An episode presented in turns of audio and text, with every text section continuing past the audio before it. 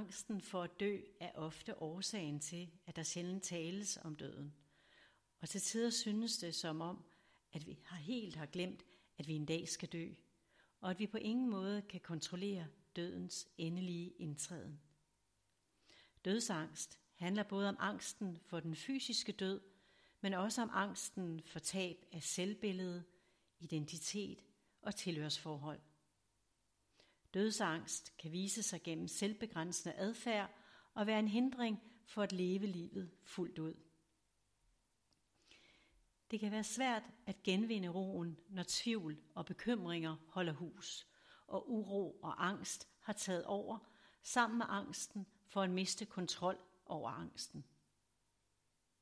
I virkeligheden er det ganske lidt, vi kan kontrollere, når det handler om livets store spørgsmål, som kærlighed, liv og død.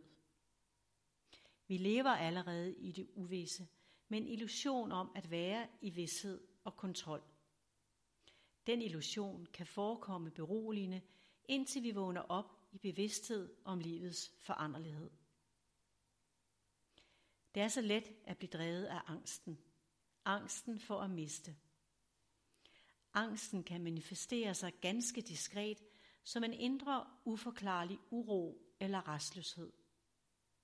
Angsten kan også komme uventet og voldsomt. Angsten har mange forskellige, synlige som usynlige ansigter.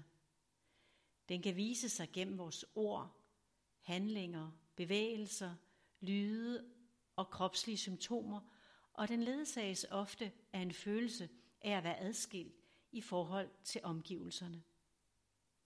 Det kan også være en følelse af adskilthed i os selv. Angst ligger ofte bag de mange følelser, vi benævner med ord som skyld, skam, tristhed, vrede, jalousi, irritation med mere. Som en angst for at fejle, miste kontrollen, miste ansigt og værdighed. Forskellige omstændigheder kan skubbe til angsten. Det kan være det at sammenligne os med andre og med det, vi kalder normalt. Og derigennem kan vi føle os unormale og usikre på os selv og vores værd. Lavt selvværd kan bringe os ud af kontakt med vores dybere selv, og det der ved, at alt er forbundet, og at alt skabt har en mening og værdi i sig selv. Andres historier om sygdom, vold, død, ødelæggelser og katastrofer kan også vække uro og angst. Informationer og fortællinger, som ofte i sig selv er formidlet og drevet af angst, og derfor let kan vedligeholde processen uden at tjene et egentligt oplysende og opløftende formål i retning af at minimere angst og utryghed omkring os.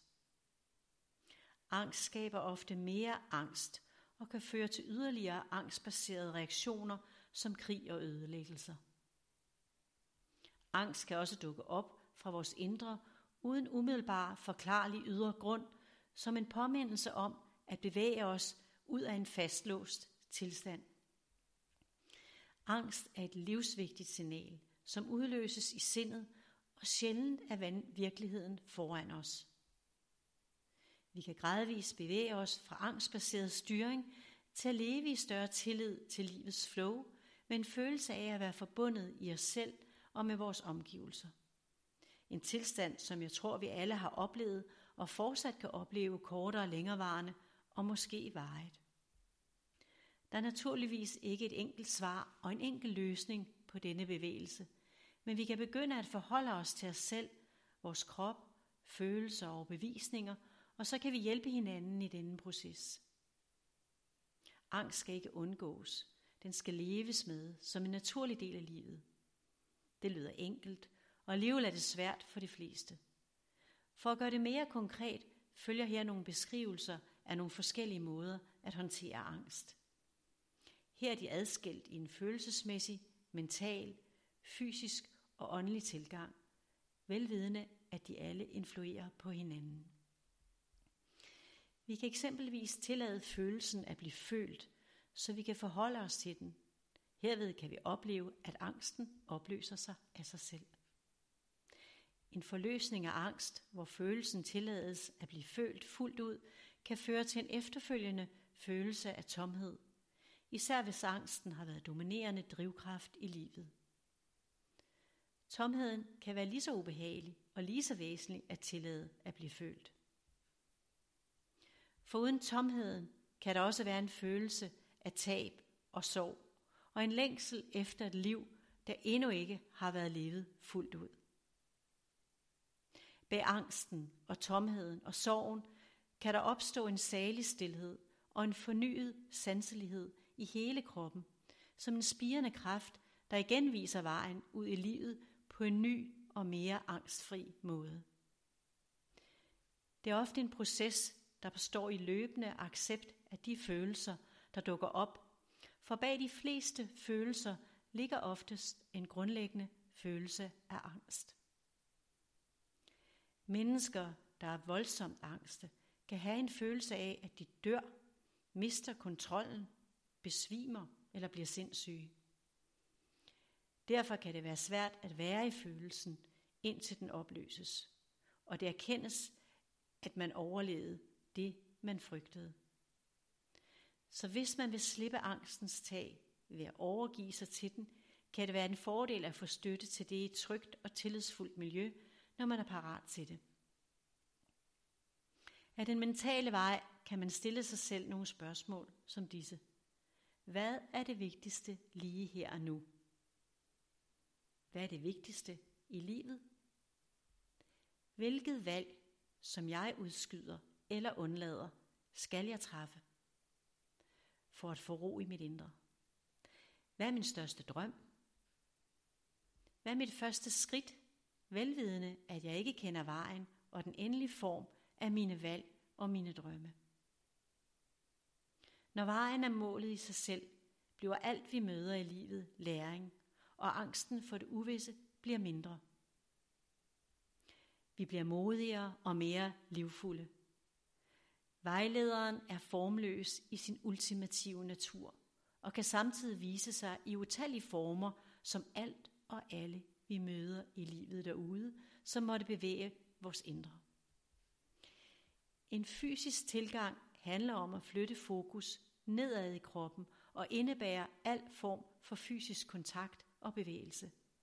Det kan være aktiv og passiv bevægelse, massage, berøring, omfavnelse, ja enhver form for fysisk kontakt, der bringer os til stede her og nu i kroppen. Det kan være i kontakt med et andet menneske, med dyr, i naturen gennem lyd og musik, i kreativ eller praktisk udfoldelse med mere. Fysisk kontakt, kontakt giver en umiddelbar jordforbindelse, hvorved angsten minimeres eller forsvinder. Det giver ikke nødvendigvis en ledsagende bevidsthed om de udløsende faktorer, men det giver en værdifuld og nødvendig beroligelse gennem det at føle sig forbundet med omgivelserne. Herfra er det lettere at acceptere det uvisse og ændre på det. Ændre på det, vi kan ændre på, og acceptere det, vi ikke kan ændre på, og berolige os selv med, at alt, hvad vi oplever, ofte giver mening i baglysets skær. Gradvist kan vi genføle os forbundet i os selv. En åndelig tilgang handler om at hvile og handle i tillid til, at alt er ok. Det er et slip ind i det uvisse i forhold til det, vi alligevel ikke kan kontrollere som menneske, og det er i grunden ganske meget. Denne tilgang frisætter energi, bringer lethed, glæde og taknemmelighed i livet. Grundlæggende handler alle veje om at finde roen i sig selv, så man undlader at lade sig presse af sanseindtryk og samtidig tillade alle sanseindtryk, for det er samtidig dem, der gør os til levende jordiske væsener. Det er lettere, når vi kan mærke os selv, vores kropslige sansninger og forholde os til os selv. Det er forståeligt, at det kan være en langsomlig proces at bevæge sig fra angstbaseret styring til kærlighedsbaseret vejledning, hvor kærlighed er en følelse af at være forbundet og i flow, vejledt af vores indre formløse natur. Det går lettere, når vi tager et skridt ad gangen og undlader at sammenligne os selv med andre. Alt sammen i kærlig medfølelse for os selv og hinanden. Det er godt at kende angstens mange ansigter i os selv og vide, at den kan omfavnes i kærlighed. Forvandlingen begynder i os selv, og sammen gør vi det lettere for hinanden. Resumé. Angst er en fundamental følelse, som er nødvendig for vores fysiske overlevelse. Den ligger ofte bag de mange andre følelser, vi oplever. Angst uden en reel ydre trussel kan være invaliderende, handlingslammende og isolere os fra omgivelserne. Ved at støtte hinanden i at acceptere vores følelser og leve i tillid til livet og slippe forsøg på at kontrollere, kontrollere alt det, der alligevel er uden for menneskelig kontrol, kan vi flytte fokus fra angstbaseret styring til kærlighedsbaseret vejledning.